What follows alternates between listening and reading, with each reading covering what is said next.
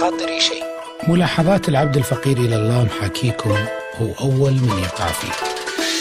في خاطري شيء. حنا كويسين بس إذا نقدر نصير أحسن. ليش لا؟ في خاطري شيء. حياكم الله. ما في عاقل بالدنيا يمكن أنه يقارن بين الخير والشر أو الزين والشين. أو الرذيلة والفضيلة. طيب ليش نستبدل التجهم والوجه المعبس بالابتسامة والوجه الطلق البشوش؟ الوجه السمح المبتسم اعتبره النبي من أفعال المعروف عشان كذا قال لا تحقرن من المعروف شيئا ولو أن تلقى أخاك بوجه طلق. يعني وجه بشوش. لما تشوف واحد مبتسم والثاني معبس أيهم يشرح صدرك ونفسيتك للحياة أكثر؟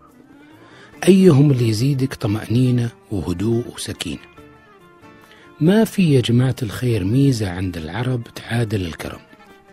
الكرم يغطي كل عيب مثل ما يقولون ويدمح كل زلة ومع ذلك اسمعوا شو يقول الشاعر إذا كان الكريم عبوس وجه فما أحلى البشاشة في البخيل. وأجمل شيء هالجملة الرائعة اللي قالها واحد من المفكرين يقول الابتسامة إهانة للمصيبة. يعني كأنك لما تبتسم تهين المصيبة اللي تحل فيك. كل شعوب الأرض تقول الابتسامة ما تكلف شيء يعني ببلاش لكنها تعطي واجد. ألم يقل النبي صلى الله عليه وسلم وتبسمك في وجه أخيك صدقة.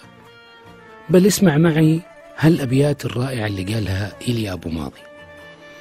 قال السماء كئيبة وتجهم. قلت ابتسم يكفي التجهم في السماء. قال الصبا ولى فقلت له ابتسم لن يرجع الأسف الصبا المتصرمة. قال التي كانت سمائي في الهوى صارت لنفسي في الغرام جهنما. خانت عهودي بعدما ملكتها قلبي فكيف أطيق أن أتبسم؟ قلت ابتسم. واطرب فلو قارنتها لقضيت عمرك كله متألما.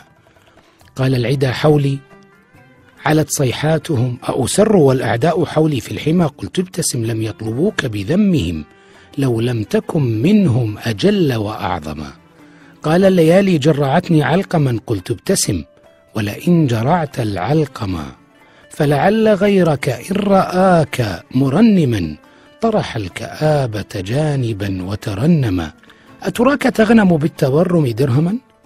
أم أنت تخسر بالبشاشة مغنما؟ أودعكم يا جماعة الخير بابتسامة. لا حرمتم بسمة الأحباب. في خاطري شيء.